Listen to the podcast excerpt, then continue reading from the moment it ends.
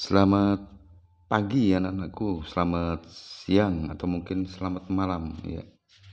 Jumpa kembali dengan Bapak Agus di konsep matematika persamaan trigonometri ya.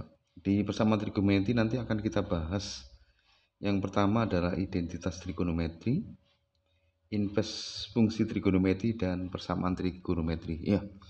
Tetapi sekali lagi mohon maaf, mungkin kalau pembelajarannya masih daring, tidak semua materi nanti Bapak Agus sampaikan ya. Kita ambil yang poin-poin penting saja. Untuk yang pertama, identitas trigonometri. Identitas, apa itu identitas? Identitas adalah menyatakan sesuatu tentang dirinya, tentang dirinya, apa yang ada di dalam. Biasanya yang nampak tidak menampakkan yang di dalam atau sesuatu yang tersembunyi misteri itu kalau dalam kehidupan keseharian ya. Tetapi identitas trigonometri yang bagaimana? Identitas trigonometri itu sesuatu yang menjadi ciri khas ya, ciri khas Untuk identitas trigonometri ini berangkatnya dari segitiga siku-siku ya. Berangkatnya dari segitiga siku-siku. Segitiga siku-siku adalah segitiga yang salah satu sudutnya besarnya 90 derajat, sudut siku-siku 90 derajat.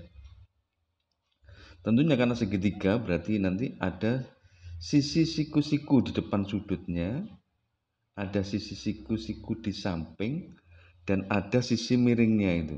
Ya ada sisi miringnya. Jadi kita punya tiga variabel yaitu x y dan r nya itu. Kalau kita mengambil dua dari dua sisinya kita akan nanti akan mendapatkan beberapa nisbah trigonometri yang nantinya disebut dengan nisbah trigonometri atau identitas trigonometri. Bila ada sudut theta menghadap sisi siku-siku di depan ya Bila ada sudut theta menghadap sisi siku-siku de depan, sisi siku-sikunya kita lambangkan dengan huruf Y. Kemudian sisi siku-siku di sampingnya kita lambangkan dengan huruf E. Jadi kalau ada segitiga siku-siku, kemudian sudut yang menghadap sisi siku-siku di depan itu kita kasih nama theta, maka tentunya kita bisa mendapatkan nisbah-nisbah trigonometri perbandingan sisi-sisi pada segitiga siku-siku itu. Kalau kita membandingkan Y dibagi R, dengan kata lain bahwa membandingkan sisi siku-siku di depan dengan sisi miringnya, R-nya sisi miring, jadi R-nya adalah sisi miringnya, jari-jarinya ya. Sisi miringnya, maka nisbah itu kita kasih nama sinus theta. Ya, sinus theta. Jadi kalau sisi siku-siku di depan itu sama dengan Y dan sisi miring sama dengan R. Y dibanding R itu sama dengan sin theta. Bagaimana selanjutnya kalau sisi siku-siku di samping dibanding dengan R? Dirumuskan karena sisi siku-sikunya tadi sama dengan X X per R itu sama dengan cos theta. Perbandingan yang lain adalah sisi siku-siku di depan dibagi dengan sisi siku-siku di samping. Yang kita kasih nama adalah tangan theta nisbah dasarnya itu ya sin theta kemudian cos theta dan tangan theta bagaimana selanjutnya kalau misalkan R dibagi dengan Y? R dibagi dengan Y. Atau sepersin theta itu kita kasih nama adalah cosec theta jadi R dibagi Y itu sama dengan cosec theta kalau Y dibagi R sama dengan sin theta Kemudian kalau R dibagi X namanya sekan theta. Sekan theta.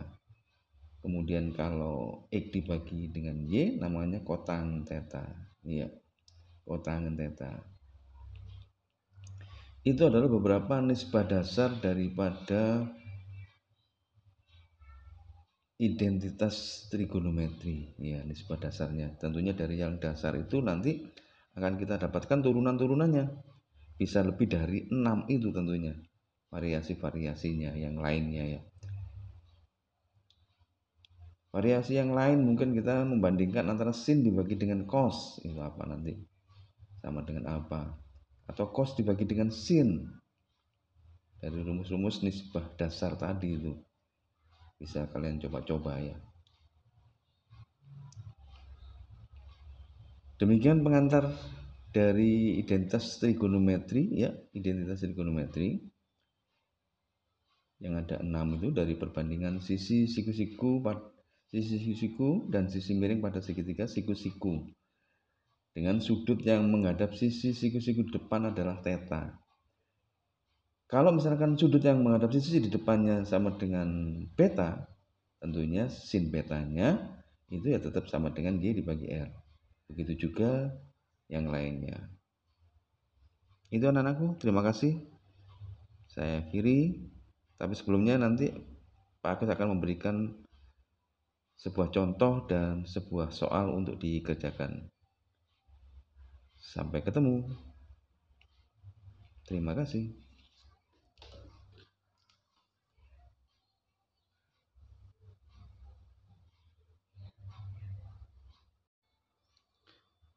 Assalamualaikum Pak Agus lanjutkan ya Seperti yang sudah dijanjikan tadi Bahwa dari beberapa identitas dasar Nanti akan dibentuk identitas Identitas yang baru Iya, iya. Jadi manipulasi-manipulasinya ya. Misalkan kita mau mencari contoh ini ya. Tentukan identitas yang lain dari sinus theta dibagi dengan cos theta. Sinus theta dibagi dengan cos theta. Jadi tetanya tadi masih sama seperti yang tadi. Sisi siku-siku di depannya adalah Y, di sampingnya adalah X, kemudian sisi miringnya adalah R. Sinus theta dibagi cos theta, berarti kita tulis kembali Y dibagi R dibagi keseluruhannya dengan X dibagi dengan R. X dibagi dengan R itu adalah cos theta. Kita dapatkan Y dibagi dengan R dikalikan kita balik R dibagi dengan X. R-nya saling menghilangkan atau kalau kita bagi dengan R jadinya satu berarti menjadi Y dibagi dengan X Y dibagi dengan X, identitas yang tadi itu itu sama dengan tangan theta. Jadi kita mendapatkan identitas yang baru bahwa sin theta dibagi dengan cos theta itu sama dengan tangan theta. Ya. Semoga kamu tidak kesulitan ya. Nanti bisa kamu lihat gambarnya di tugasnya nanti ya. Kemudian silakan dicari kalau Anda sudah paham yang sin theta dibagi dengan cos theta sama dengan tangan theta. Coba nanti dicari dan dibuktikan bahwa cos theta dibagi dengan sin theta itu sama dengan kotangan theta. Ya, kerjakan dan nanti dikumpulkan ya. Di-upload di Facebook ya. Jadi kita mulai mengupload tugas di-upload di Facebook. Jadi anak-anakku silahkan menginstal Facebooknya ya seperti yang Pak Agus bilang bahwa Facebook ini satu sarana komunikasi yang menyediakan rangkuman data yang banyak sekali tidak terbatas rupanya ya. Barangkali itu yang bisa disampaikan pada pertemuan kali ini. Pak Agus akhiri. Tetap sehat, semangat. Wassalamualaikum warahmatullahi wabarakatuh.